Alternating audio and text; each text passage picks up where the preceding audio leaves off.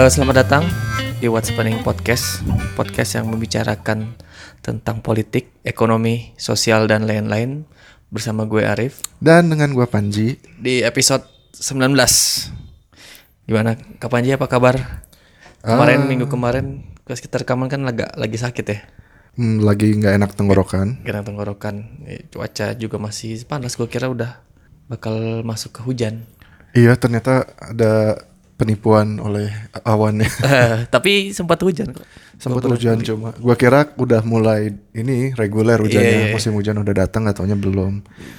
Sekarang malah terjadi banyak angin kencang ya di mana-mana. Angin kencang di mana-mana Di kemarin. daerah Batu kemarin sama di iya, daerah Batu sama di eh, Bromo. Angin puting beliung. Hmm, yang daerah Batu kayaknya sih kayak angin puting beliung ya. Hmm. dia sampai debu ke mana-mana terus di Bromo juga di padang pasir Padang pasir. gitu. Oh yang di apa sih? Eh di padang pasir gitu itu. sama yang di dekat kita mah di Pangalengan Palangalengan. Pangalengan Kabupaten Bandung Kok bisa? Maksudnya kan itu daerah tinggi. nah maka itu batu daerah tinggi Oh iya. Enggak kan maksudnya dia kayak dia bukan tuh puting beliung sih cuma angin yang sangat Oh. kencang ya sampai warga-warganya tuh katanya kaget karena ini pertama kalinya ada angin sampai kayak gitu gitu sekeras itu tapi nggak hujan. enggak cuma angin doang Ngeri banget udah udah mah dingin di sana tuh. sama genteng-genteng banyak yang Copot. terbang copot Oh, gitu kan Tapi bukan puting beliung. Kayaknya kalau dari laporan beritanya cuma angin kencang. Angin Gua kencang nggak aja. tahu ya. Kayak di rumah gue juga kemarin kayak ada angin ada. puting beliung gitu. Soalnya gue lihat ada angin kencang waktu gue lihat pohon ya. Hmm. Sedet, eh, beberapa detik dia larinya ke arah kanan, beberapa Hmm. detik kemudian larinya ke arah kiri, kanan, kiri kayak angin Iya, iya, muter iya, kan. Iya, iya, iya. Jadi mungkin ada potensi cuma kemarin enggak. Enggak, untungnya enggak. Untungnya ya. enggak. Kalau gue ya masih panas-panas aja sih. Gak apa namanya tuh ke bagian hujannya dikit sih. Tadi kan gue ke arah kota, gue kira bakal hujan, taunya enggak. Ya alhamdulillah sih enggak hujan gitu maksudnya. Enggak ke bagian kehujanan lah maksudnya. Tapi buat buat gue angin-angin ini mengkhawatirkan ya karena ini tren baru ya. Oh. Maksudnya apakah ini akan jadi normalnya? Kan cuaca kan sedang berubah nih. Lagi musim memang new normal tuh memang lagi Iya musim makanya new normal. Jadi semakin jelas kalau climate change itu bukan fiksi gitu kan. sama ya benar-benar. Ini bagi yang nggak percaya climate change tuh ini udah terjadi gitu.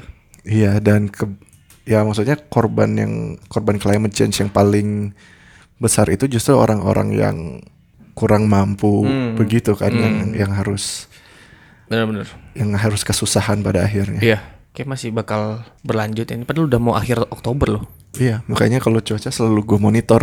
Oh, karena kan nih berberan nih biasanya kan hujan ya udah masih musim hujan.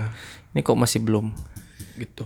Karena gue sebagai orang yang suka makan, gue takut kalau apa ya food security itu terpengaruh gitu kan dari cuaca. Kita juga sebagai ini pelaku bisnis makanan juga terpengaruh misalnya eh, sekaris apa kelangkaan gitu-gitu kan ngaruh ke bahan baku kita juga ya. Betul. Jadi serba susah. Jadi ya kitanya juga kemahalan pasti kan mereka juga mungkin nggak bisa apa daya belinya juga nurun gitu. Eh, apalagi kak, lu minggu-minggu ini, Kita kan rekaman tanggal 21 Oktober nih, ya nih, dua, hari Senin. Mm-mm. Di hari Minggu ya minggu 20 Oktober. ada pelantikan Mm-mm. presiden dan wakil presiden periode 2019 sampai 2024. 2024. Ini apa? eh, ya eh, selamat buat Presiden Jokowi dan Wakil Presiden Kiai Haji Ma'ruf Ma'ruf Amin atas pelantikannya kemarin lancar, hikmat dan dan lancar. Eh, Indonesia Dan punya aman. wakil presiden baru ya. Yo, ya benar-benar punya wakil presiden baru dari ya Pak Kiai lah dari pemuka agama ya jatuhnya ya. Iya. Dan terima kasih kepada Pak Yusuf Kala yang sudah Oh iya benar. Sudah mengabdi kepada negara selama dia kan dua periode kan. Ya pertama sama Pak Susilo Bambang Yudhoyono ya. Sama Pak SBY, kedua sama Pak Jokowi ini. Sa- Salut sih, maksudnya eh, mau apa momen langka gitu wakil presiden menjabat dua periode Iya ya. baru pertama kali. Dan dua presiden berbeda. Dua pula. presiden berbeda gitu. Hmm. Respect Pak Yusuf Kala. Ya udah maksudnya udah agak ya udah tua juga masih tetap bisa eh, menandingi ini apa keluasan Pak Joko, Pak Jokowi gitu kan kan Pak Jokowi fleksibel banget Iya ya. Mm-mm. Pak JK alhamdulillah bisa menandingi walaupun udah maksudnya ya nggak ya di, harusnya kan udah pensiun ya umur umur segitu mah Iya. respect dan ini juga sih banyak banyak prestasi-prestasi lah cuman kita juga nggak bisa nyebutin tapi yang gua yang paling gua ingat itu Pak Jo Pak JK itu tuh selalu ini eh, menangani kasus-kasus konflik konflik-konflik s- apa ya kayak di Aceh di Poso di Ambon nah itu dia yang nanganin kak Mm-mm. dia yang turun tangan tuh dia makanya dia kan sangat concern sama yang gitu-gitu Ya untuk mempererat persatuan Oh, oh. Indonesia ya. Iya NRKRI. Bahkan dia tuh yang zaman-zaman pas dia belum menjabat jadi yang sekarang wakil presiden waktu kemarin tuh Ya. dia tuh sa maksudnya dia yang buka jalan untuk PMI kita bisa ngasih bantuan ke Rohingya. Oh. Padahal semua jalur akses bahkan PBB nggak boleh ini juga deh akses untuk ngasih bantuan ke Rohingya yang di Myanmar Myanmar ya. nggak bisa PMI kita doang respect orang pertama Di banyak trik-trik diplomasi yang bisa dipelajari iya, ya dari sa- sangat ini karena ya. Pak JK tuh multidimensi ini topik bukan topiknya sih kemampuannya dia kan menteri perdagangan terus 35 tahun jadi pengusaha Kala Hmm. Group kan dia yang megang Ya. dulu. Terus cendikiawan maksudnya dia dia itu eh, ketua dewan masjid. Ya, sama dia tuh kan ketua PMI ya. jadi sebenarnya Pak Jokowi dapat Pak JK tuh paket lengkap gitu karena dia yang dia bisa ke mana-mana ibaratnya. Hmm. dia ke pengusaha iya gitu. Terus masalah misalnya politik eh, dia juga yang senior gitu. Terus misalnya masalah kan sangat sensitif ya tentang agama gitu kan kita Iya. dia juga paket ini dan orang timur gitu maksudnya dari Sulawesi Selatan dari Bone Jadi penyeimbang yang baik ya. Iya, iya, iya, sangat inilah. Sebenarnya paket komplit sih kalau dia masih umurnya masih 65 kayaknya bakal maju lagi deh jadi wapres gitu.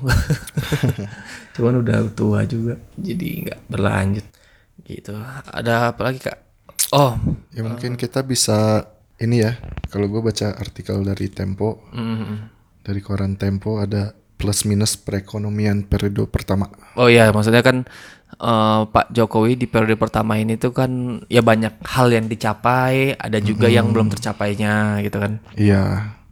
Kan concernnya Pak Jokowi kan soal infrastruktur ya untuk sebagai katalis ekonomi kan. Ya ya, emang emang sebenarnya untuk meningkatin perekonomian tuh sebenarnya banyak cara dan itu ya pasti semua bukan teori ekonom, mungkin pendapat-pendapat ekonom tuh ya bisa aja me- sama aja ujung-ujungnya tuh dapat meningkatkan pertumbuhan ekonomi misal entah dari A, dari A B C D gitu. Cuman ya ini kan kalau Pak, Pak Jokowi mah dari misal jalur infrastruktur gitu. Iya. Ya kan ya. Gitu. Jalurnya jalur infrastruktur yang nggak mengharamkan juga gitu. Iya. Terus terus Dan di sini dia apa ya artikelnya mengatakan bahwa pembangunan infrastruktur menjadi capaian paling monumental Hmm. pemerintahan Pak Jokowi sama Pak Yusuf Kala ya. Dan alokasi anggaran infrastruktur yang lima tahun terakhir itu mencapai 1.739 triliun rupiah. Aduh gede, gede banget tuh, seribu triliun. Iya, Wow. Tapi tapi selama lima tahun kan. iya. Dan menurut eh, artikel ini ya bersamaan dengan tingginya konsumsi rumah tangga, belanja pemerintah untuk pembangunan ini menjadi faktor utama perekonomian yang pertumbuhannya tetap di sekitaran lima persenan ya, iya, stabil ya di stabil. situ. Iya. Kalau ya Ada naik turun sedikit tapi di angka lima persen kan masih ya. masih rata-rata average-nya 5 5 persen itu untuk dibandingkan dengan dunia termasuk yang paling bagus. Masuk yang baik masuk, ya. Masuk kayak masuk lima besar deh. Hmm. Masuk lima besar pertumbuhan terbaik. Walaupun katanya ini masih jauh dibanding target awal pemerintah yang tertuang dalam rencana pembangunan jangka menengah nasional 2015-2019. Karena targetnya 7 sampai 8 persen. Betul.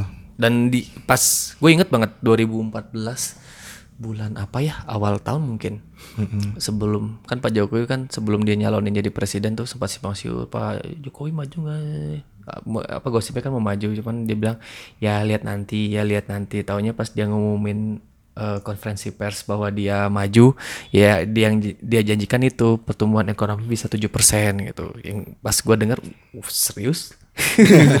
Ambisius Belum, banget ya. Bahkan Pak Harto aja nggak nyampe gitu. Ambisinya tinggi ya. Ambisinya tinggi Targetnya sekali. Ya boleh ya, nggak nggak masalah sih. Nggak masalah. Heeh. Ya, menurut lo kenapa tuh? Apa kenapa eh, walaupun 5% bagus ya, tapi kenapa Hmm. tidak bisa mencapai target awalnya? Kalau bahasa ininya mah ekonomi kan itu dipengaruhi oleh faktor internal dan eksternal gitu. Oh. Gitu. Macam-macam gitu kayak instabilitas politik luar negeri itu berpengaruh terhadap kita kayak harga minyak, terus ru- apa nilai tukar rupiah. Dan 2016 Donald Trump jadi presiden. Hmm, ya yang perang dagang itu eh terus kayak lifting minyak. Maksudnya kan kita ini kan negara importir minyak gitu. Terus kan target kita tuh sebenarnya kan ingin menambah produksi minyak kita supaya kita nggak usah impor lagi gitu ibaratnya. Tapi ini kan harus impor. Nah, itu juga berpengaruh. Karena kita impor kan jadi ter- kita terpengaruh dengan harga minyak dunia gitu. Iya, Syukur-syukur pas zaman Pak Jokowi ini tuh harga minyak krisis, Sudah enggak krisis sih, turun turun. sudah relatif stabil ya. Eh, ya komoditas tuh kayak batu bara, minyak sama eh, crude palm oil, eh, sa- sawit. Sawitnya. Eh, itu kan relat apa? Kebetulan Pak Jokowi nggak dapat booming komoditas aja. Hmm. Jadi agak susah gitu anggarannya juga terbatas. Terus Pak Jokowi kan pas awal-awal pemerintahan dia eh, nggak ingin dapat stigma negatif bahwa dia tuh pemimpin populis ya. Makanya dia cabut cabut subsidi gitu-gitu. Oke, oke. Kan adanya Petralite Iya. jenis-jenis bensin baru itu tuh untuk mengcounter eh menghilangkan premium sebenarnya Hmm, iya betul. ya kan Tapi premium masih ada. masih ada dan bahkan yang gua kurang seneng gitu bukan kurang seneng sih Eh, lebih baik sebenarnya emang dihilangin gitu premium tapi eh, Pak Jokowi malah terakhir-terakhir tuh eh, terakhir-terakhir ini tuh dia memperbolehkan tadi kan cuma di daerah tertentu doang nih premium adanya Iya. Nah sekarang udah boleh di kota gede juga udah ada tapi dibatasi sih kuotanya. Cuman ya kata gua ya kalau ingin komitmennya untuk dihilangin ya kenapa harus dibuka lagi ini jalur distribusi untuk yang eh jalur supply untuk yang di kota-kota gede gitu. Kalau gue sih mm, berpendapat sebenarnya nggak apa-apa ada, tapi yang beli itu harus benar-benar terpilih gitu. Oh, kayak iya, iya. kayak angkot, Mhm. angkutan umum gitu ya. Logistik gitu-gitu ya. Ya, mereka mungkin perlu premium yang harganya lebih rendah ya. Tapi sebenarnya untuk subsidi sendiri sih sebenarnya emang agak jauh lah gitu dari zaman Pak SBY mungkin ya. Maksudnya jauh, jauh tuh Berkurang. berkurang, berkurang sangat jauh. Kalau nggak salah tuh sekitar hampir setengahnya misalnya kalau nggak salah Pak zaman Pak SBY itu 400 triliun. Zaman Pak Jokowi itu pas 2015 tuh cuman 200 triliun kalau nggak salah. 200 triliun ya. Jauh lah pokoknya perubahannya. Jadi di di alokasiinnya si anggaran ini tuh untuk ke infrastruktur itu gitu.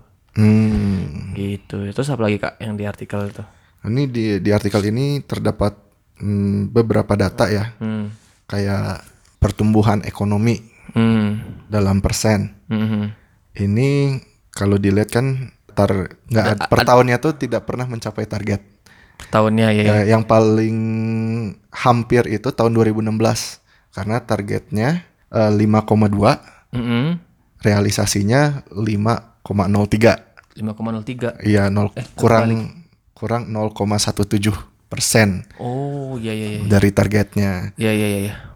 Bagus sih. Nah, paling ambisius sekarang ya 2019 8 persen targetnya. tapi tapi sampai akhir semester 1 eh, 2019 ini baru 5,06 persen. Iya, tapi ini ini tuh sebenarnya sempat di ini.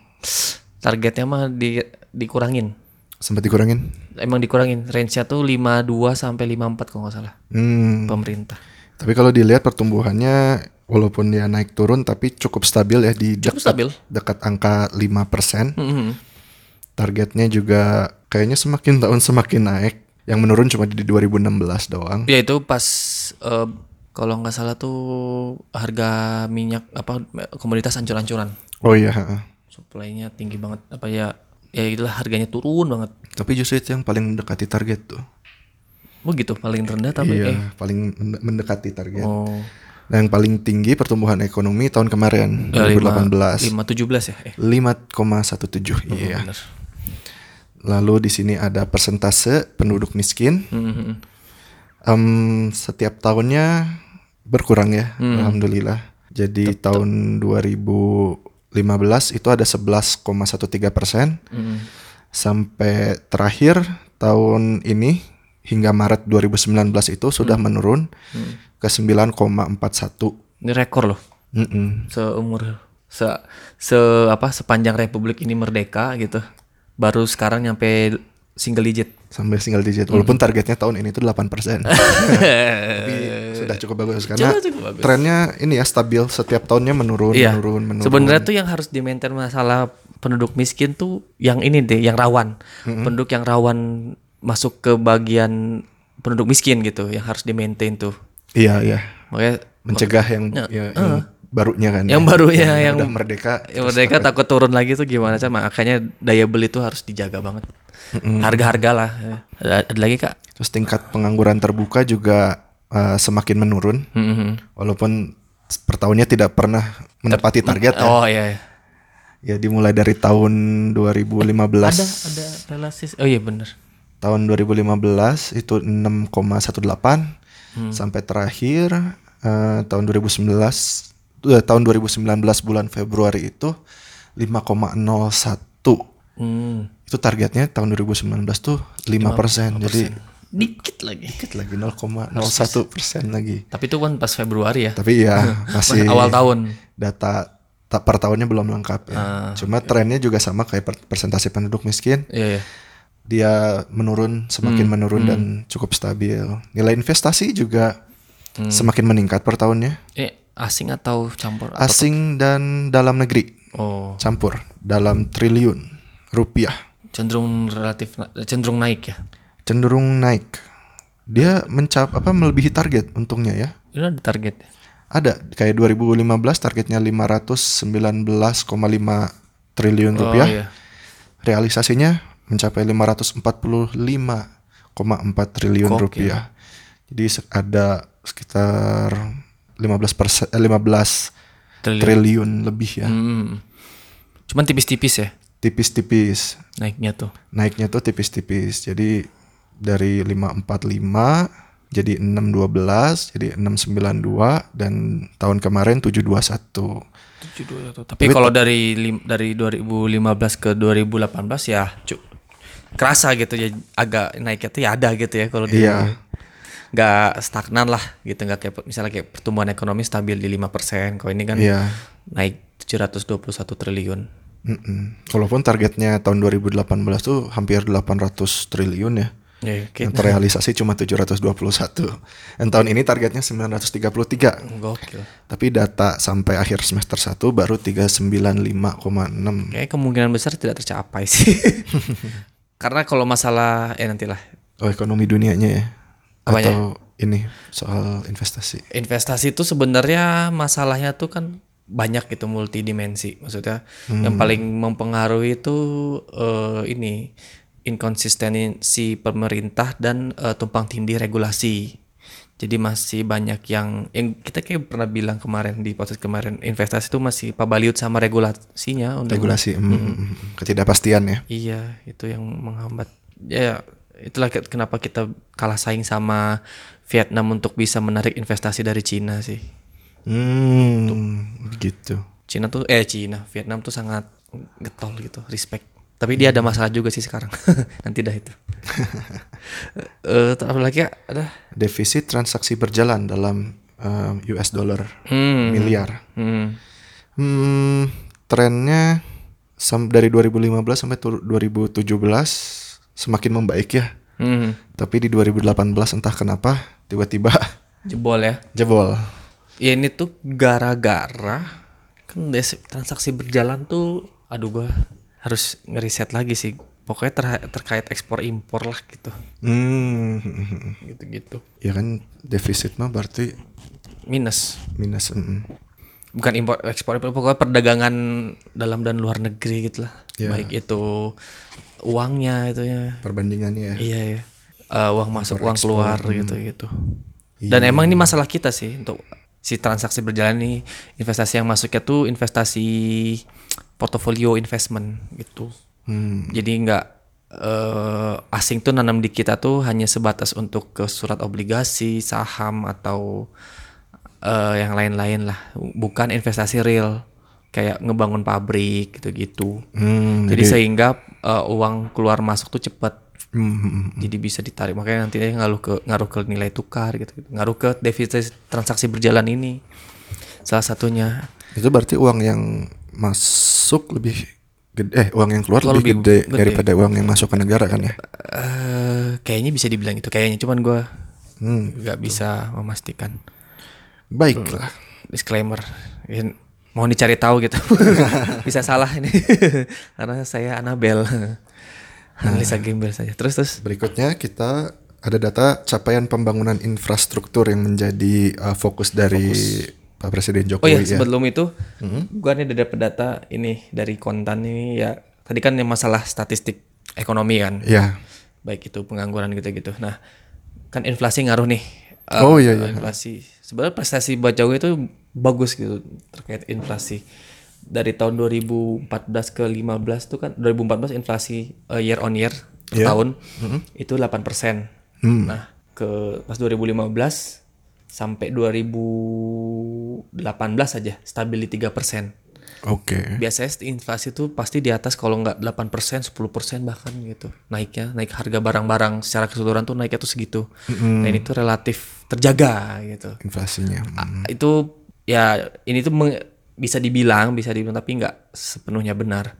Bisa dibilang bahwa ya kinerja pemerintah tuh baik lah dalam hal untuk mengatur pemerintah dan BI gitu. Kan BI ter- terkait Iya, iya. harga kan. Gitu. Jadi ya pasokan aman gitu gitulah.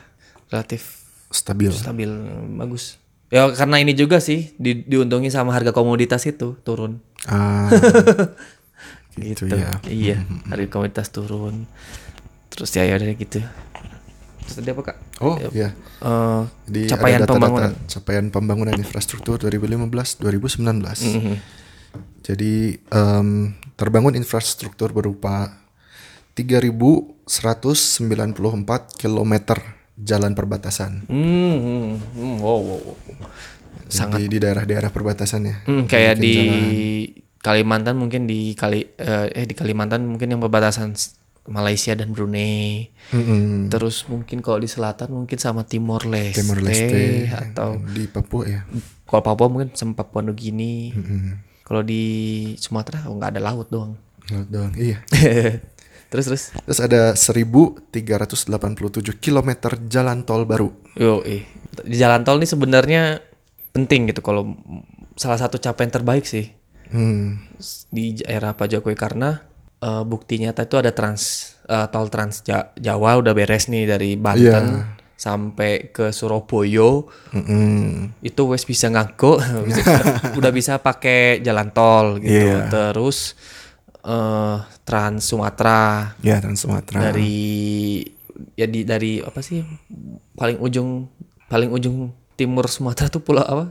Provinsi apa sih? Timur. Bengkulu. Mm-mm. ya udah ada tol gitu mau nyampe Palembang gitu gitu lagi proses. Di Sumatera eh, di Sumatera Utara juga udah ada Medan Palembang. Eh Medan Palembang. Binjai Medan gitu loh udah udah banyak tapi belum kesambung secara penuh gitu.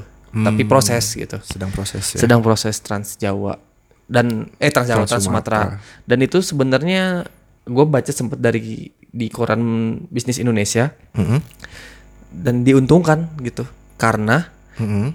eh misalnya gue pengusaha apa gue nggak kena palak ini preman Oh iya iya iya iya. karena iya. di sana kan sangat rawan ya kalau di jalanan nasionalnya gitu nggak bukan jalan tol Iya iya betul. lebih baik gue bayar tol yang lebih pasti gitu daripada gue harus kena pungutan-pungutan lain Mm-mm. gitu kan bisa ada pajak preman ini retribusi ini wah, wah, Kalau gitu. jalan tol kan lebih pasti ya. lebih udah tahu pasti gitu kan iya iya berapa. Heeh, makanya kadang ada beberapa pengusaha yang udah jalan tolnya udah bener ya Ha-ha. udah udah ke, kayak kesambung tuh merasa diuntungkan Tapi apakah premannya akan lari ke jalan tol? tidak mungkin dong kan ada polisi lalu lintas ya kak Oh iya benar. ada apa yang kerja sama sama jasa marga gitulah Hmm. ya kalau lo lewat tol Purwakarta aja kan tuh tuh pas ada yang polisi yang patwal gitu gitunya Oh, Eh, eh, iya, selama gitu. jalan tolnya dijaga ya. selama jalan tolnya dijaga dan di ibu kota baru juga nanti ada di Kalimantan tuh bakal ada pembangunan Balikpapan Samarinda. Hmm. Terus di di Makassar sudah banyak lah ada banyak proyek-proyek lagi. Kayak kita nih di Jawa Barat tuh nanti ada Cisumdawu. Oh iya betul. Iya kan? Terus iya sih itu. yang gedenya gitu. Nanti dari oh ini apa? Oh dari Bogor, Sukabumi, Cianjur kepada Larang ada nantinya tuh. Jadi mulai-mulai tersambung. Lebih terkoneksi nanti Indonesia iya, ya. Heeh, betul. Terus apa lagi kak? Terus ada 811,9 km rel kereta api baru. Hmm, ini sangat membantu ya sebenarnya. Kereta api ya karena dia kan bebas hambatan ya. Hmm. Tidak menambah apa ya beban di jalan umum gitu Iya kan. iya. Iya di Sulawesi tuh nanti ada Iya. kereta api di Sumatera juga. Dan gue pribadi sebenarnya met- apa ya mode transport yang paling gue suka tuh transportasi umum tuh kereta api Kereta api. Memberi karena terutama kalau kayak di Jepang ya penjadwalannya jelas. jelas ya benar. untuk planning lebih gampang. Hmm. Di Jepang tuh kan per tahunnya eh, rata-rata keterlambatan kereta api tuh nggak sampai sedetik ya nggak salah. Gak sampai sedetik. Se- Setahu gue, Eh, kalau mereka yang gua yang viral di internet tuh kalau mereka telat satu menit aja mereka minta maaf sujud iya nggak sujud sih nunggu rukuk lah gitu kayak apa nunduk gitu ya eh. gomen gomen gitu, gitu. Padahal kalau dilihat kayak ada video yang orang sampai harus didorong-dorong masuk kereta api gitu, Iya. itu kan kayak bisa menyebabkan keterlambatan, tapi ternyata enggak gitu. Iya, iya. Makanya gue takjub dengan sistem itu ya rel ya, kereta api di Jepang.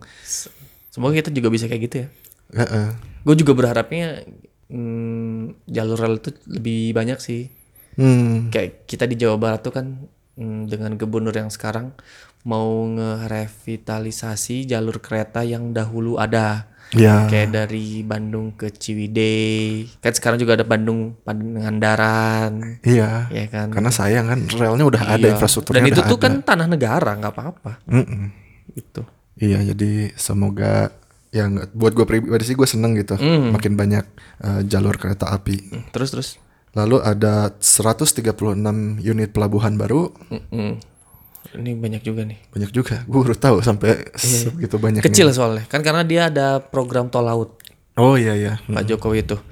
Tapi sebenarnya tol laut tuh belum efektif. Hmm. kalau yang gua tahu. Jadi kayak barang dari Pulau Jawa ke pulau yang terkecilnya tuh ada tapi buat balik ke Jawanya tuh ngasih apa? Nggak ada. Barangnya apa? Si Oh iya jadi logistiknya kosong. kayak cuma searah ya. Searah itu kan untungnya. kos banget ya kalau bagi perusahaan kayak Pelni gitu-gitunya atau SDP Hmm. gitu-gitu sih masih belum butuh menurut gue jangan diberhentiin itu program Iya. tapi butuh dievaluasi aja gitu Hmm, hmm.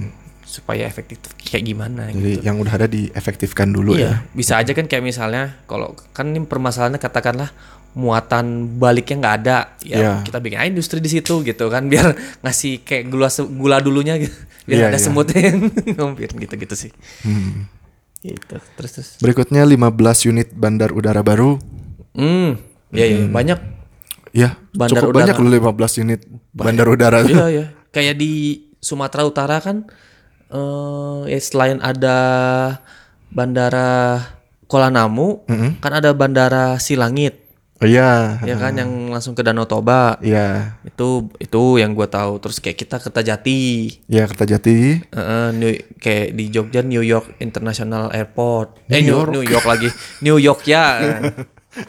NYIA aja tulisannya tuh. New York ya International Airport. Cuma yang jadi PR tuh di beberapa bandara tuh jalan akses ke bandaranya yang masih bener-bener. Itu belum. yang menurut gue butuh butuh perhatian perhatian tuh, ya. tuh kayak supaya gimana cara ningkatin biar ada traffic di bandara itu tuh ya aksesnya sih Iya, soalnya kalau misalnya ada bandara tapi akses ke bandaranya sulit juga orang males Iya, bener. pakai flight yang dari bandara itu kan. Kayak contohnya gue aja nih kan kita kan kok di Bandung terutama kan dipindahin nih Iya. bandaranya beberapa penerbangan yang keluar Pulau Jawa tuh dipindahin ke Kertajati kan. Iya.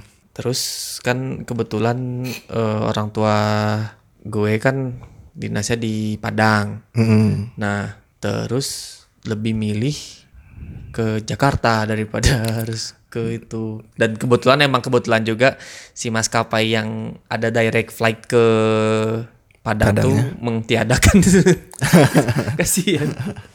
Kayak karena kejauhan jadi nggak ada peminatnya. Iya.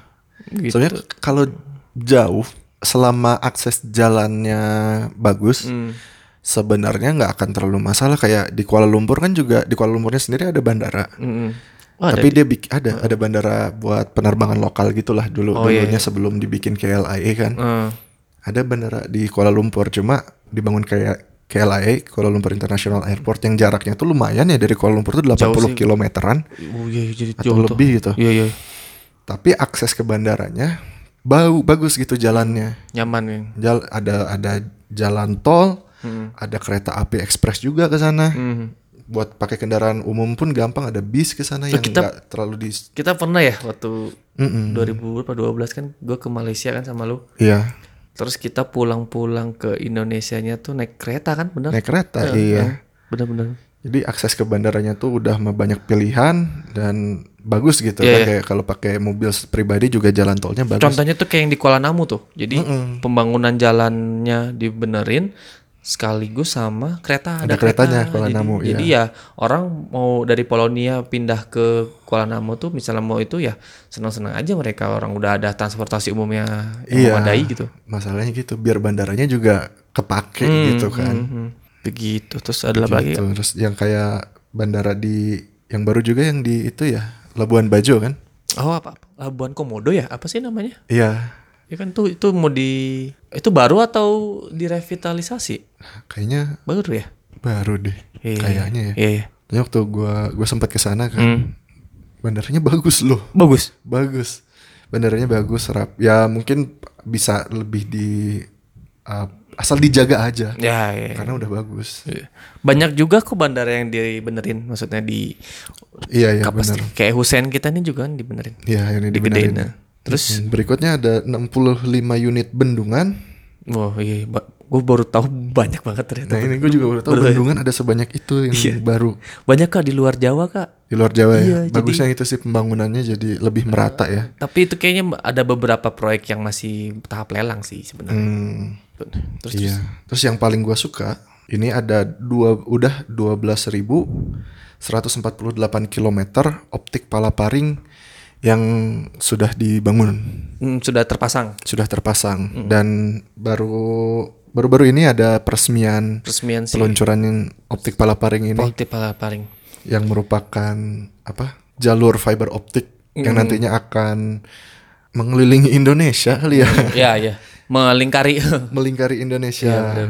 Yang gua gua kan ini kan sebenarnya topik yang sering dibahas kalau pembaca bisnis ini pasti sangat familiar dengan palaparing palaparing ini. Eh karena pelaksanaannya tuh eh memakan biaya yang gak sedikit ya dan jaraknya yang panjang itu yang ini 12.000 kilo ini kan ini masih beberapa persen ya nih. Iya, Belum tapi semuanya. kan kita juga harus menyadari Indonesia itu negara yang besar. Iya, bener-bener. Kita area kita tuh besar sekali walaupun banyak lautnya juga gitu kan, Hmm. tapi yang namanya fiber optik itu ya emang nggak nggak murah. Tidak murah emang. Makanya apa? Walaupun sebenarnya harganya mungkin udah turun ya dibanding Iya, iya. zaman dulu, cuma tetap aja. Tetep aja ini panjang banget cuy gitu 12.000 kilometer tuh panjang banget ini tuh baru berapa persennya nah Ini baru sepertiganya, Sepertiganya, karena yo, oh. kalau nggak salah targetnya tuh sampai 36.000 kilometer. Ini baru 12.000. baru sepertiganya berarti. iya iya iya nah yang gue bingung itu kan gue gak familiar dengan palaparing kan ada tiga tuh palaparing barat tengah sama timur kan Iya dibagi tiga zona. iya itu kan fi- fiber optik kan Fiber optik. Nah yang gue bingung terus apa gitu maksudnya dipakai buat apa gue bingungnya tuh kayak apakah itu kan kalau kabel gitu kan berarti buat internet buat di rumah gitu atau di pemerintahan gue mikirnya gitu gak bisa dipakai buat di HP atau fungsi lain bisa sebenarnya kayak misalnya pakai dengan kab- adanya kabel itu bisa bisa nyiarin jaringan Kalau HP mah mungkin masih pakai kayak BTS. 4G, 5G itu kan beda dengan oh dengan broadband, optik broadband, hmm, fiber optik broadband ini. hmm. Ini tuh lebih untuk kayak internet rumahan. home pass gitu home Iya, kayak ya IndiHome atau yang dari MNC apa ya? MNC Play, MNC Bisnet, Play, Bisnet gitu-gitu. Republic. Yaitu jadi fiber optic itu kan trans sebenarnya kayak eh, alat untuk transmisi data. Hmm. Nah, selain fiber optik kayak kabel telepon aja. Hmm. Itu kan sebenarnya kabel itu alat buat transmisi data kan. Iya, iya. Nah, kalau fiber optik itu sama sama mirip fungsinya dengan kabel telepon. Yang beda adalah volume data yang bisa dia eh, bawa. Dia bawa. eh. Mm-mm. Jadi datanya lebih banyak dan lebih cepat karena fiber optik itu menggunakan cahaya. Iya, iya, benar-benar. Sedangkan kalau kayak kabel telepon, kayak zaman dulu kan internet pakai kabel telepon tuh, Iya, iya. yang Telkomnet instan. Yo, eh. Yang harus- 0809. Ya itu. Oh, masih inget.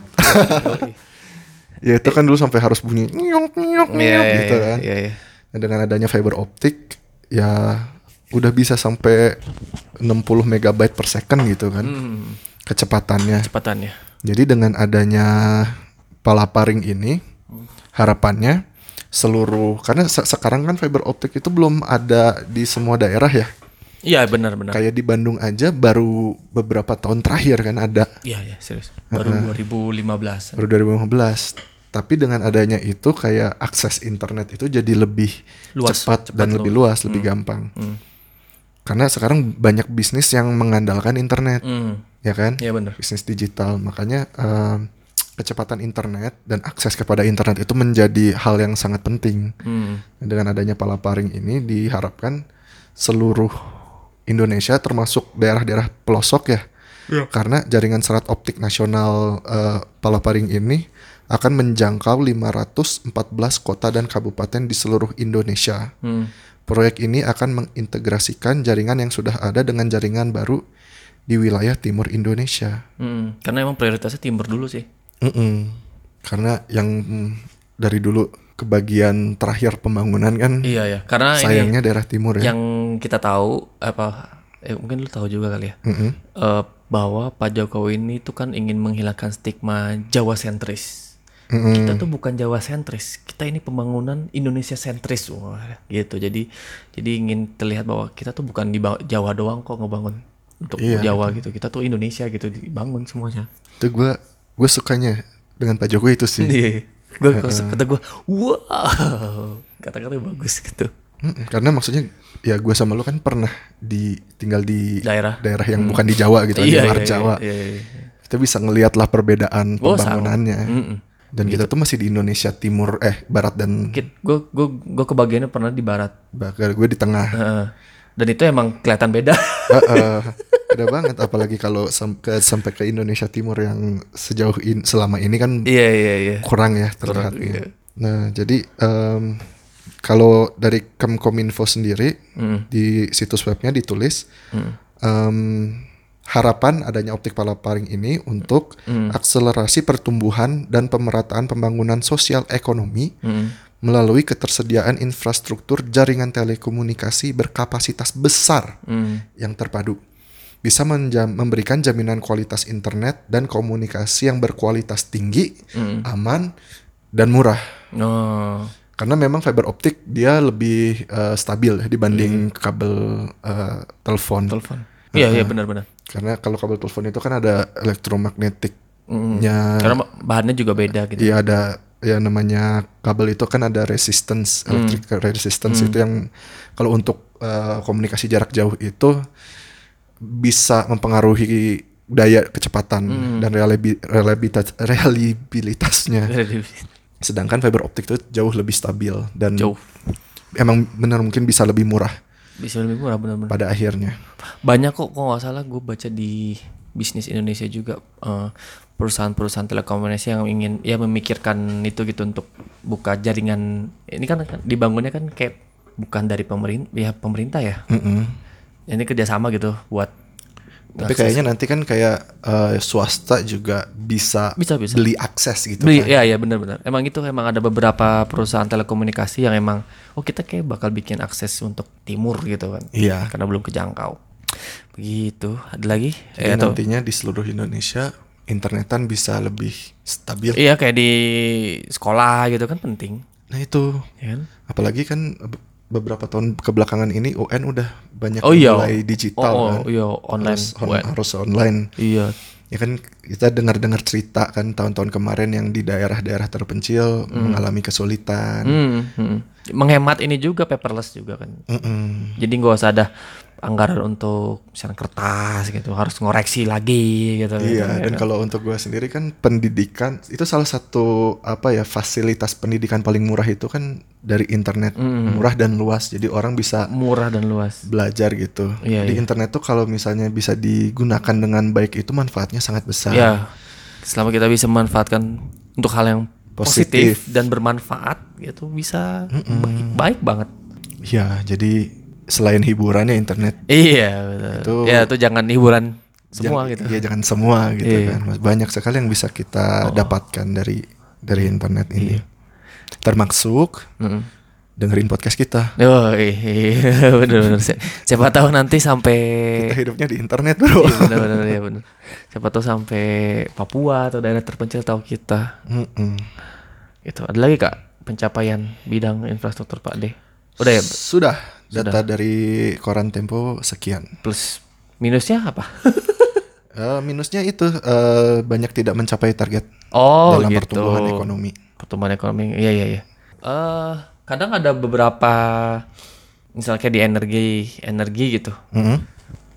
Kelistrikan terutama Ya. Hmm, banyak ada beberapa yang kecapai kayak misalnya kan target energi terbarukan tuh berapa persen itu gua nggak tahu sih datanya cuman ada masalah aja di situ Oh. jadi kayak ada regulasi yang masih memberatkan untuk pengusaha mengebangun energi baru dan terbarukan ini gitu kayak jadi eh setahu gua nih yang gue baca dari koran bisnis atau kontan Mm. emang eh kayak gue pernah bilang di podcast juga Mm-mm. bahwa permasalahannya tuh kayak yang si pengusaha nih mau nyari kan bangun jari apa energi apa pembangkit listrik terbarukan tuh kan Ya. butuh biaya. Ya. Nah, nanti tuh ada di klausul apa atau ada di perjanjiannya tuh kalau misalnya nanti udah jadi gitu. Terus Iya. selama 30 tahun itu tuh nanti jadi milik pemerintah gitu. Build, operate, transfer aja gitu.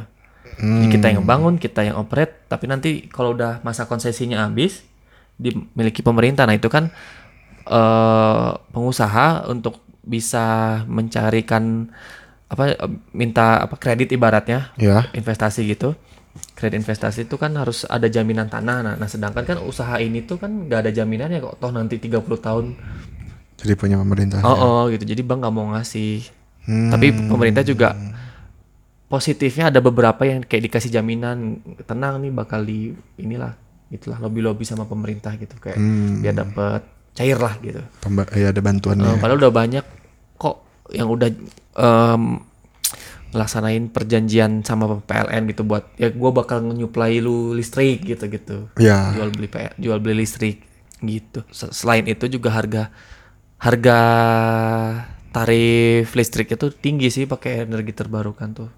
Masih agak tinggi. Iya, Nah, memang. sebenarnya butuh insentif juga dari pemerintah. Ya kan kalau kayak di Amerika kan dapat itu ya kayak dapat tax break gitu kan buat mereka yang pakai energi green energy gitu. Iya, lah. iya. sama kita di masih di kita fokusnya masih di pembangkit listrik tenaga uap sih dari batu bara gitu. Iya masih kotor sih ya. Oh, Masih pakai fosil ya karena emang tambang kita juga gede ya, Mm-mm. cadangannya besar gitu. Tapi ingin pokoknya di yang minyak nih BBM bahan Iya. bakar minyak tuh mencoba dikurangi. Kurangin. Tapi berapa puluh tahun 10 tahun ke depan mungkin masih dominasinya batu bara sih. Gitu Iya, bahkan tel- kelihatannya seperti itu sih memang masih ya. masih kok. Dan apa ya mau mau coba juga ditambahin pakai apa gas kan gas. Walaupun dia fosil dia kan ramah lingkungan. Lebih, cuma nggak nggak sepenuhnya. nggak sepenuhnya sih. Gitu. Ya yang lagi ba- banyak tuh mini hydro pembangkit listrik tenaga mini hydro Iya sih, kayak untuk di pedalaman-pedalaman kan Iya. itu membantu banget tuh. Oh.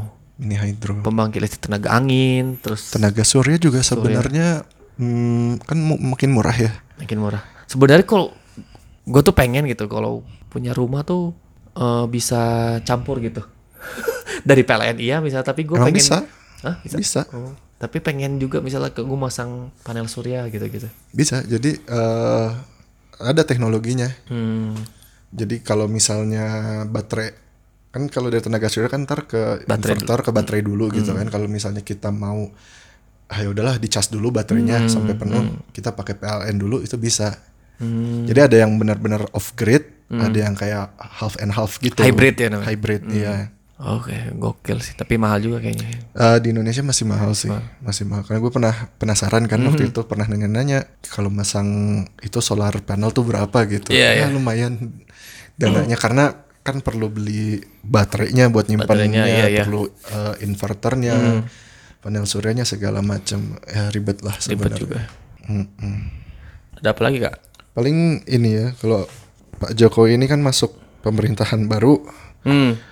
menghadapi potensi resesi global ya. Hmm. kelihatannya karena di mana-mana ada tanda-tanda kan indikator pertumbuhan ekonomi Cina di kuartal ketiga ya September ini tuh cuma 6 persen. Eh, biasanya berapa Di atas, biasanya 7, di atas 7. menurun ya Menurun eh, kuartal 2 kemarin 6,3. hmm. Jadi 60, jadi 6 persen. Saya- Ada chance untuk bisa jadi 59. Kalau udah 59 sebenarnya agak gawat sih. Kan di Amerika kan juga indikatornya mengkhawatirkan katanya kan Amerika iya. terus kalau yang udah jelas mah kan Inggris Prancis sama Jerman, kan Mm-mm. Hong Kong tuh udah juga resesi tuh. ya Hong Kong mah karena demo sih Iya. Gimana Singapura lagi? nyaris, Singapura nyaris nyaris.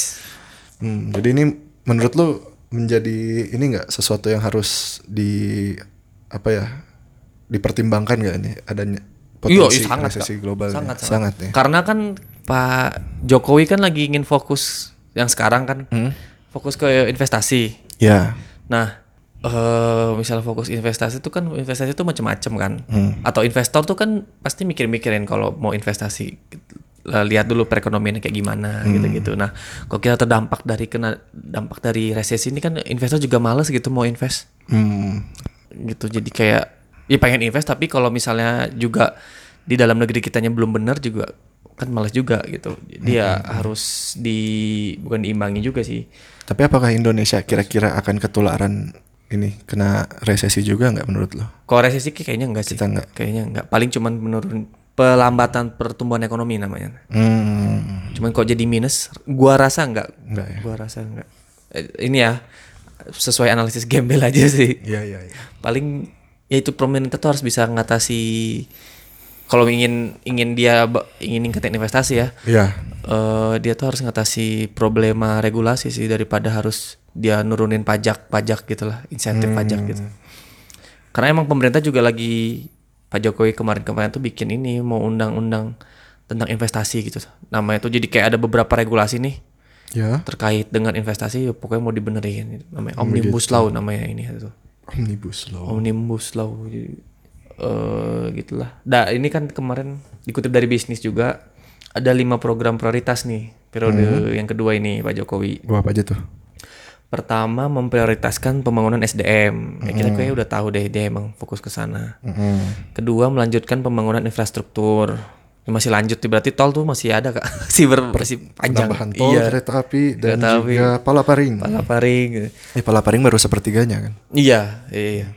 Terus ketiga menyederhanakan segala bentuk kendala regulasi. Nah yang gue bilang tadi kan. Ah iya iya iya iya. Keempat menyederhanakan birokrasi secara besar-besaran tuh, menyederhanakan segala bentuk regulasi. Jadi kayak misalnya regulasi, misalnya kita lu mau bikin usaha, tadinya cuma ada 10 peraturan. Ya, Nah, ini pengen dibabat jadi misalnya 5 atau tiga gitu. kayak lebih libertarian ya. Ya iya. Lebih Terus bebas. penyederhanaan birokrasi. Jadi kayak misalnya lu harusnya dirjen ini ini ini nggak usah langsung aja kementerian gitu. Hmm. gitu. Terus Oke, transformasi ekonomi. Nah, Nah, transformasi ekonomi maksudnya apa tuh? eh jadi kita kan ini kalau di sini dia bilang harus bertransformasi dari ketergantungan pada sumber daya alam menjadi daya saing manufaktur dan jasa modern yang mempunyai nilai tambah tinggi bagi kemakmuran bangsa. Oh, jadi kita Digital ekonomi gitu ya. eh gini apa ya itu juga termasuk ekonomi kita ini didukung oleh sawit dan Iya. batu bara lah gitu. Nah ini pengen mentransformasikan supaya jadi kayak bikin pabrik jadi kayak diolah batu bara diolah jadi apa misalnya Iya sih. CPO diolah jadi apa atau misalnya kayak kita nih kan termasuk ekspornya terbesar eh, tekstil gitu. Iya. Nah kita mau kembangin lagi bisa dari hulu ke hilirnya gimana gitu gitu. Iya karena eh, kalau udah diproses gitu kan harga juga naik ya. Ya gitu-gitu sih manufacture. Jadi kalau yang gue lihat dan dan apa kayak ingin membangun ya digital ekonomi juga atau startup atau apa. Atau misalnya kayak siapa tahu pabrik bikin Apple tuh di kita gitu kayak gitu-gitu. Bikin Intel atau artificial intelligence Kan tuh di kita udah yang di BSD ya bikin Silicon Valley-nya. sudah ada rencana. ada rencana di Bandung juga ada nih di di kota baru Sumarekon. Hmm. gitu.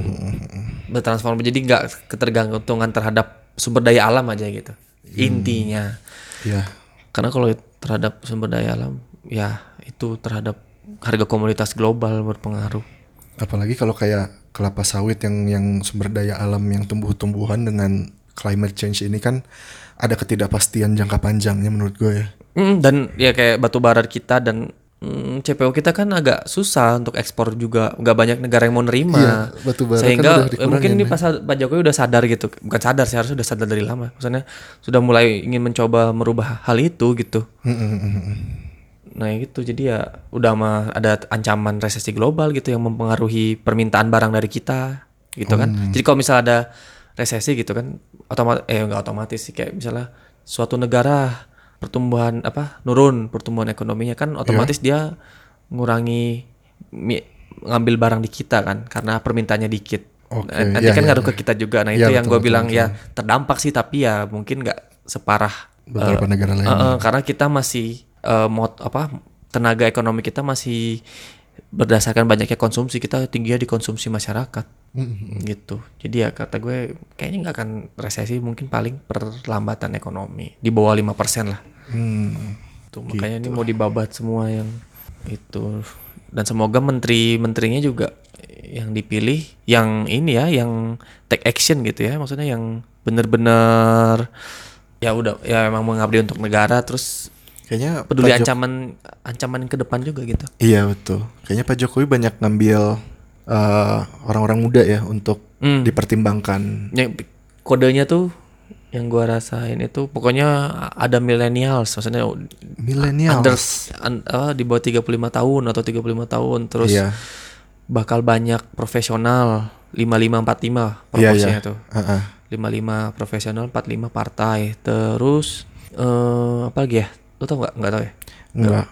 Kalau tadi gua ngelihat apa ya eh, live dari CNN ya, Atau Kompas? Gue dari Kompas tadi. Dari Kompas ya. Hmm. Kan eh, ada beberapa orang yang dipanggil ke buat Oh, ke ketemu ist- Pak Jokowi ya. Iya iya iya. Ke istana ya. Iya iya. Yang paling pertama tuh nggak salah Pak Mahfud MD. Pak Mahfud ya. Hmm, salah satu favorit gua sebenarnya. Ini Pak Mahfud masuk ke kan gue sempat ngebahas bocoran Iya. menteri itu masuk ada tuh di list gue. Oh iya. Iya. heeh. Terus, Terus tadi ada em, yang kedua tuh Teti.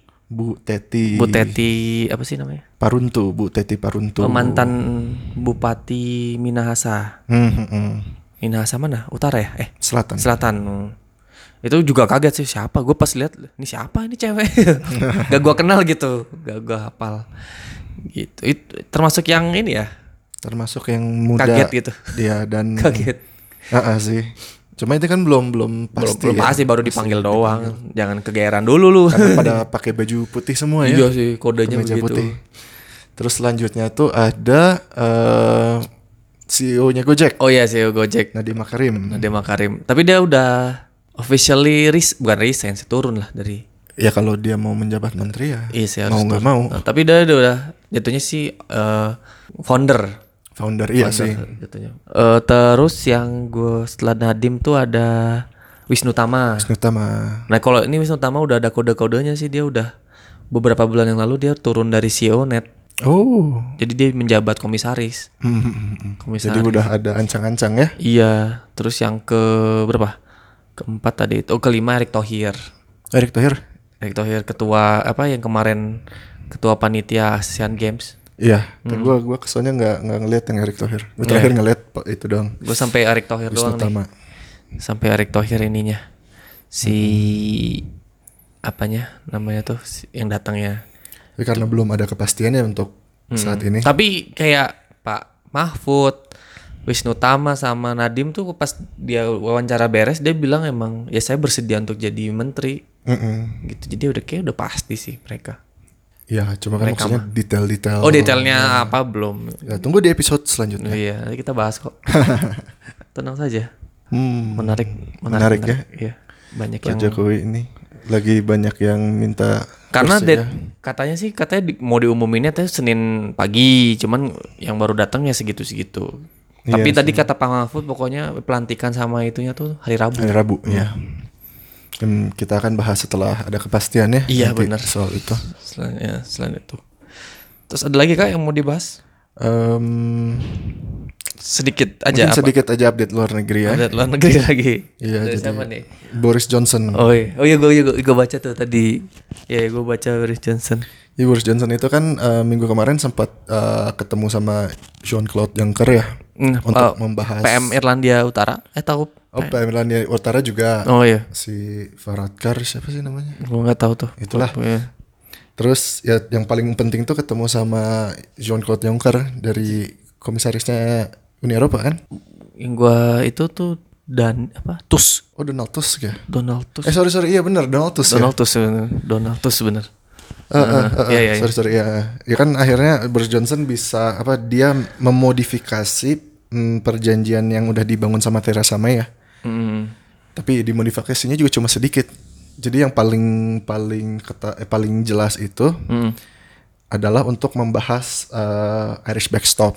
Hmm. Ya, jadi per- da- dari perjanjiannya Boris Johnson itu nggak akan ada eh, border Hmm. border di Pulau Irlandia. Hmm. Jadi antara Irlandia Utara dan eh, Republik in- Irlandia tuh nggak akan ada perbatasan. Ya ya ya. Yang akan menjadi perbatasan itu ya nantinya di laut. Jadi kalau Oh. barang dari Irlandia Utara mau masuk ke Inggris itu ada screening proses. Oh iya ya. Jadi ada free flow of uh, goods and trade di Hmm. Pulau Irlandia karena itu yang tidak diinginkan oleh uh, kedua belah pihak itu ada ada hard border itu kan. Hmm, ya ya. Hard border. Tapi uh, solusi Johnson ini uh, dikritik oleh partainya Irlandia Utara, Democratic, Democratic. Republic. Eh, Democratic Ireland. ya itulah. Iya. Ada partainya gue lupa namanya. Hmm. Jadi karena uh, Irlandia Utara kan berpisah dari Rep- Republik Irlandia karena dia pengen masuk UK kan United King United Kingdom Hmm. Uh, dan dia juga nggak mau terpisah gitu dari UK. Nah, Dari dengan dengan solusi Boris Johnson ini seakan-akan jadi Irlandia Utara itu ditumbalkan Oh. demi Brexit uh, Tercapai, selesai ya, ya. Uh, tercapai. Makanya uh, dia langsung kehilangan support dari uh, Irlandia. PM-PM-nya Irlandia Oh. Utara Ya ya. karena karena nanti sistemnya akan jadi aneh gitu Irlandia Utara tuh jadi kena dua sistem sistemnya UK dan sistemnya EU EU. uh. jadi mereka bilang loh kalau kita kalau kita semua Brexit kenapa saya masih harus harus ada kena single marketnya EU gitu Iya, iya. Terus kenapa kita dibedakan dari Scotland dari Wales dari uh, England gitu Hmm. Iya, kan iya. Nah, jadi perjanjian ini eh, di ini kan diserahkan ke eh, House Committee-nya gitu Hmm. di sana dari Sabtu. Baru pertama kalinya ada ada meeting hari Sabtu dan Minggu di- Iya. eh hari Sabtu ya di di weekday. ya parlemen itu sampai ada meeting hari Sabtu itu Iya. katanya terakhir tuh 36 tahun yang lalu. Waduh, lama sekali. Iya, jadi ini tuh ada special circumstance banget lah. Hmm. Nah, di situ kan ditolak tuh Hmm. proposalnya Boris Johnson karena banyak yang nggak setuju lah maksudnya ini sebenarnya nggak ada terlalu beda dengan perjanjian Theresa perjanjiannya Theresa May dan Ya. ini tuh bukan Brexit yang bagus gitu Hmm. nah karena perjan, eh, perjan- apa dealnya itu ditolak Hmm. Maka Boris Johnson kan mm, harus mengirim surat untuk meminta perpanjangan eh, deadline-nya Oh yang itu itu tuh 31 rapatnya tuh di di di di DPR di parlemennya parlemen UK kan? iya Iya iya iya. Jadi hari Sabtu kemarin kan rapat untuk membahas deal baru ini. Deal baru iya ya benar-benar. Apakah members of parlemennya setuju atau tidak? Heeh. Ternyata kan kalah dari 324 ke 302. Wow. Kalahnya tipis sih, cuma Tipis sih. tetap aja kalah. Iya iya iya. Nah, makanya Johnson itu perlu uh, mempersuasi beberapa member Iya, iya, dari iya. partai sebelahnya gitu Iya, loh. Harus narik loh. Harus narik lagi untuk eh, Brexit ini bisa selesai tanggal 31 Oktober karena deadline yang sekarang ada kan itu. 31. Heeh, tapi kan waktu kemarin parlemen diprorog sama Johnson itu kan akhirnya diputuskan bahwa Boris Johnson PM-nya tuh nggak boleh eh harus meminta perpanjangan tempo mm, deal Brexit ini kalau sampai tanggal 31 Oktober ini nggak ada perjanjian yang bisa disepakati semua pihak. Semua pihak itu berarti Uni Eropa, parlemen dan government Government. tiga-tiganya harus setuju kan Iya, biar deal itu uh, bisa, Bisa berjalan kan.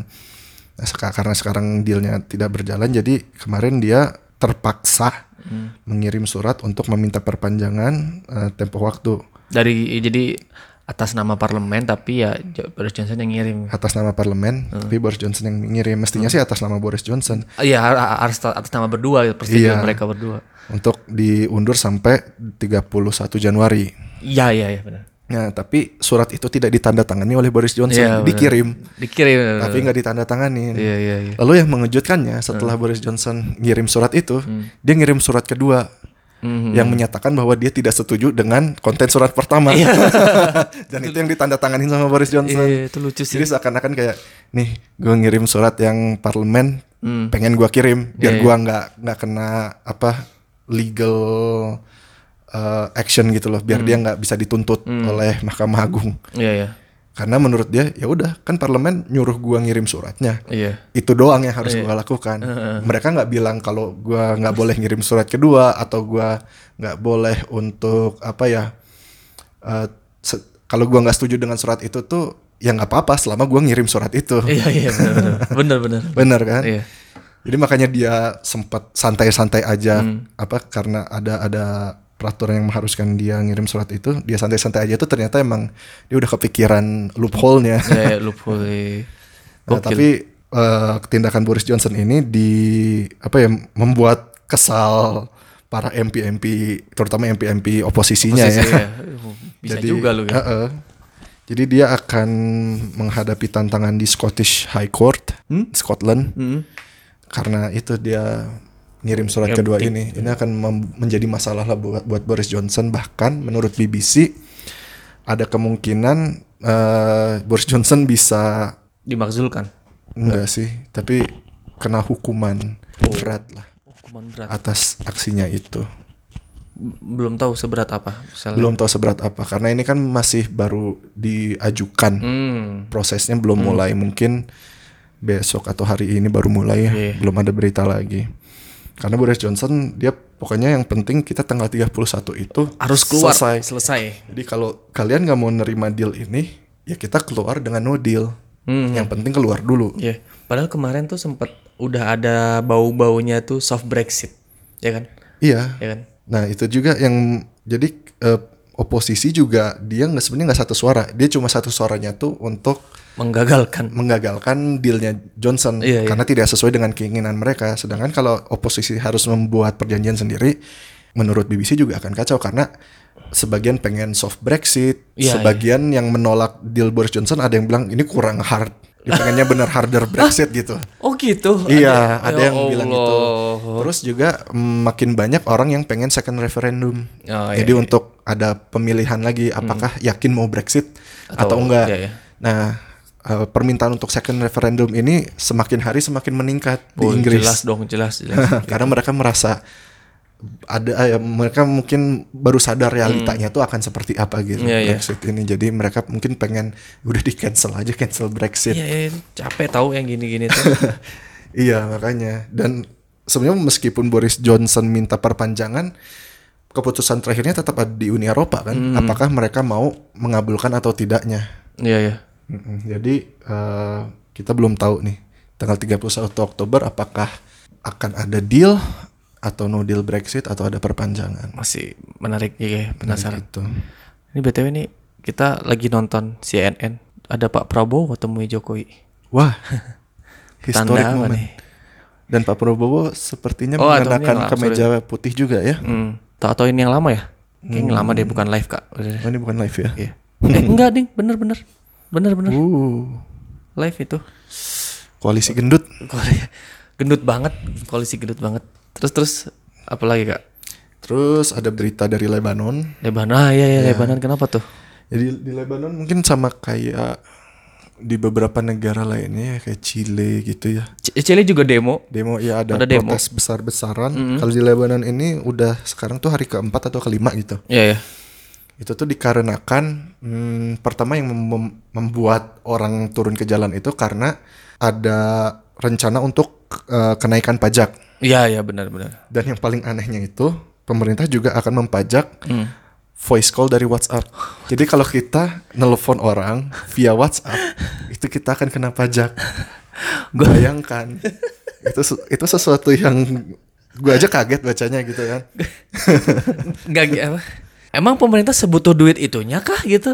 Karena dia eh, economic growth-nya tuh tahun kemarin cuma Nyungsep sih. 0,2 Iya sih. persen. Kasihan sih cuman Tapi kalau Gila kalau dilihat apa dari gue baca di Eurozone News ya hmm, sama Al Jazeera tuh memang beberapa tahun terakhir ini ekonominya tuh kan apa terpuruk. hmm, Lalu eh, pajaknya mau dinaikin hmm, dan korupsinya juga tinggi. tinggi tingkat korupsinya. Eh, dari Corruption Watch aja kalau nggak salah dia tuh peringkat ke 140 berapa gitu dari 180 negara. Wow. Crazy ya. ya. Iya. Jadi ya jelas lah warganya frustasi. Frustasi. weh. Mereka banyak, gitu menganggap tuh. governmentnya nggak becus. Hmm. Makanya kemarin ada udah ada empat menteri yang resign, gitu Resign ya. ya. Beberapa menteri resign. Resign tapi masih belum bisa eh, menenangkan masyarakat. Mereka Ya. akhirnya menuntut untuk reformasi total. Oh. Kayak tahun 98 kita mungkin ya. Ah ya ya ya. Iya di Chile juga gitu. Chile juga gitu Chile ya? karena kenaikan transportasi Oh. biaya ini apa biaya naik transportasi umum. Rata-rata gitu beberapa negara yang lagi terpuruk sih gitu ya. Iya, ekonominya terpuruk. Masalahnya biasanya negara dengan ekonomi terpuruk itu tingkat korupsinya Iya itu pertama. tinggi ya iya, kalau iya. dilihat ya. Bener-bener banyak yang inilah KKN lah gitu. gitu. Ada lagi kak? Em, berita internasional ya Hong Kong makin parah. Ah, Eskalasi antara protestor sama polisi sampai kemarin ada proses protester yang mulai ngelempar molotov langsung ke arah polisi kan. Ya Tuhan. Sejauh ini kan mereka baru ngebakar-bakar bangunan. Iya. Sekarang mereka mulai menyerang polisi. Kol ya. Ada kemungkinan Cina lama-lama bisa turun tangan kalau kayak gini terus Ya, katanya. ya, ya. Ini sih apa? Saran aja sih. Ya ini sarannya menyesatkan sih emang. Apa? Kalau ingin liburan eh, di sana kan ada Universal atau Disneyland sih? Disney Hong Kong Disneyland. Hong Kong Disneyland. Sekarang lah sepi katanya. sepi kak. Disneyland Hong Kong sepi kak serius kak. Oh gitu. Iya bener. Kalau liburan Anda memiliki adrenalin rush yang tinggi gitu. Iya. Nah itu Hong Kong. Respect. Udah gitu. gitu. Beneran Prabowo ke istana. Kak. Oh iya. Jadi, ada lagi itu aja kali ya Oh, minggu ini. mungkin sekian. Mohon maaf jika ada salah-salah kata atau salah-salah yang apa ada kata-kata yang tidak berkenan di hati ya mohon maaf. Jangan lupa kalau bermanfaat disebarkan. Betul. Itu kalau misalnya kita ada kekurangan ya ya kasih tahu aja. Ya, kritik dan saran bisa ke Twitter kita Twitter. @wh Underscore pod. Tunggu episode berikutnya yang kita akan membahas uh, Kabinet baru ya. Kabinet, baru, ya. Sampai jumpa di episode selanjutnya. Shining out.